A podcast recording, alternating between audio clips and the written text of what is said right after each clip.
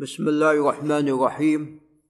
أحمده عز وجل وأثني عليه الخير كله وأصلي وأسلم على نبينا محمد وعلى آله وأصحابه والتابعين لهم بإحسان إلى يوم الدين. أما بعد فقال المصنف رحمه الله تعالى وهو مجد الدين أبو البركات بن تيمية في كتابه المنتقى من أحاديث الأحكام. قال باب الاستتار عن الأعين للمغتسل وجواز تجرده في الخلوة. نعم. هذه الترجمة تضمنت أنه يجب على المغتسل وهو الذي يخلع ثيابه ويتجرد عن عورته يجب عليه أن يستتر عن أعين الناس إلا فيما يتعلق بأهله أو سريته جاريته فليس بينه وبينهم عورة. ولذا كان عليه الصلاة والسلام يغتسل مع عائشة وغيرها من نسائه عليه الصلاة والسلام. وقد وصفت ميمونة وعائشة رضي الله عنهما صفة اغتساله من الجنابة. وهذا يدل على أنهما كان ماذا؟ نعم إما يغتسلان مع بعض أو كانا ينظران إلى كيفية اغتساله صلى الله عليه وسلم وهو متجرد عن الثياب. نعم. قال عن يعلى ابن أمية رضي الله عنه أن الرسول صلى الله عليه وسلم رأى رجلا يغتسل بالبراز بالبراز في المكان الخالي البارز. فصعد المنبر فحمد الله وأثنى عليه. ثم قال طبعا البراز المكان الظاهر. نعم المكان الظاهر. نعم ليس المكان الخالي الذي ليس فيه أحد لا وإنما المكان الظاهر. فصعد المنبر فحمد الله وأثنى عليه ثم قال إن الله عز وجل حيي ستير. وبعضهم ضبطها ستير. وجمع من أهل العلم أو بعض أهل العلم رجح ستير. نعم. حيي ستير يحب الحياء جل وعلا. فكل ذلك من صفاته. يحب الحياء والستر فإذا اغتسل أحدكم فليستتر. فهذا أمر بالاستتار عند الاغتسال.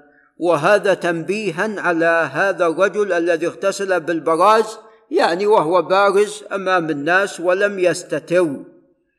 قال رواه أبو داود والنسائي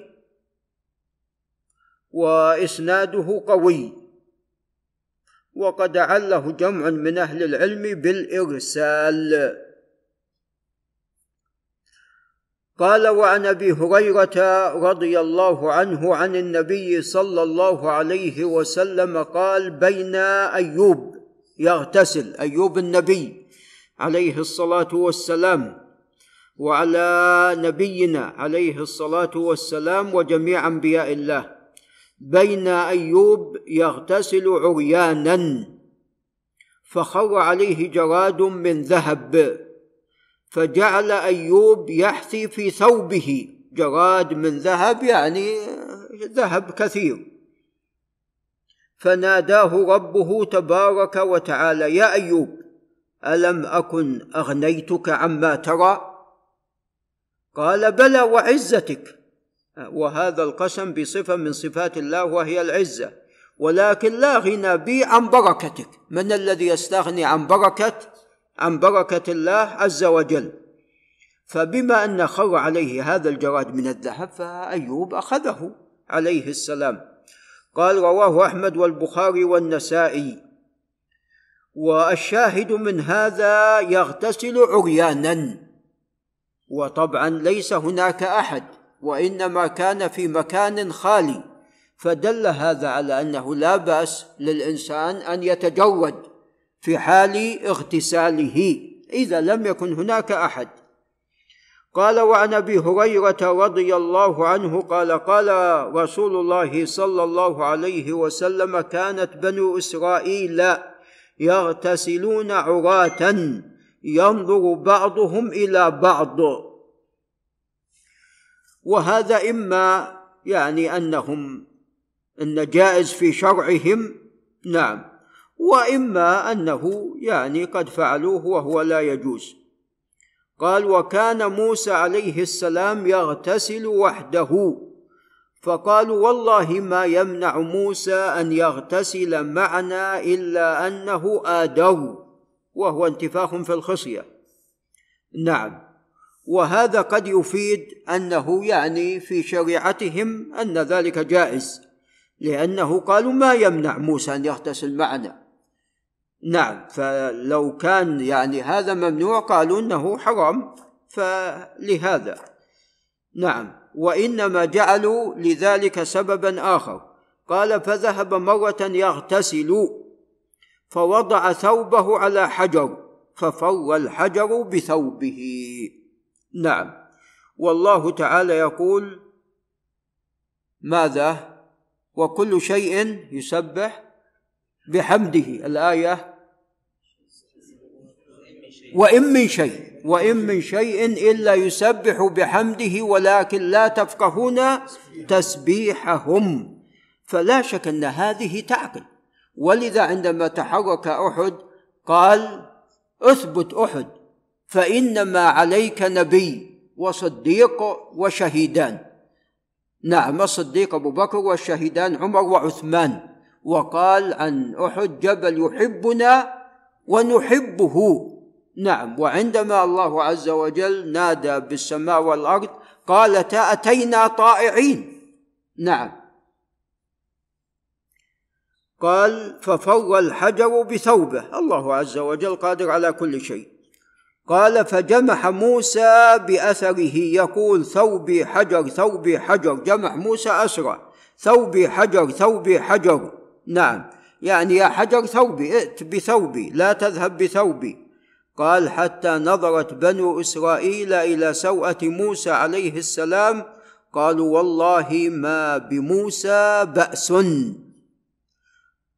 نعم. فالله عز وجل أراد أن ينظر بنو إسرائيل لموسى وأنه ليس فيه ما وصفوه به.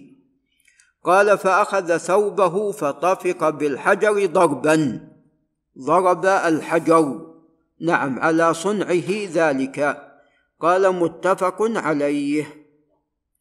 قال بابنا الدخول في الماء بغير إزار. نعم وأن هذا لا بأس به. نعم أن هذا لا بأس به. نعم. إذا لم يكن طبعا هناك أحد. نعم.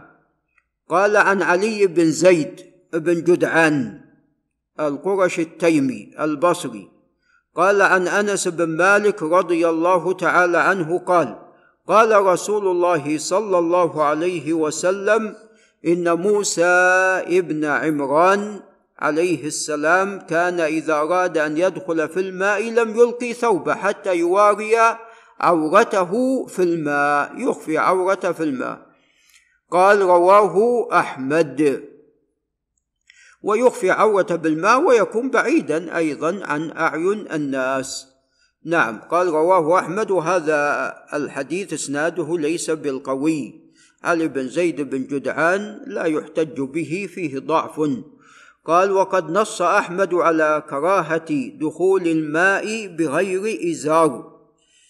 نعم يعني من أجل أن يعني هناك كائنات في الماء ولكن هذه الكائنات ليست من بني آدم.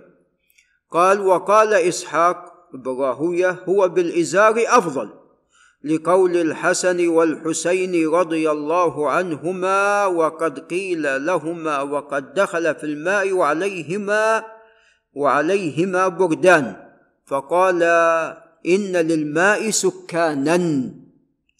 قال اسحاق وان تجرد رجونا الا يكون اثما. واحتج بتجرد موسى عليه السلام. واحتجاج في الحديث الأول الذي رواه الشيخان. نعم. وأنه خلع ثيابه وتجرد واغتسل. نعم. فهذا نعم لا بأس به إن تجرد في الماء. نعم هذا وبالله تعالى التوفيق.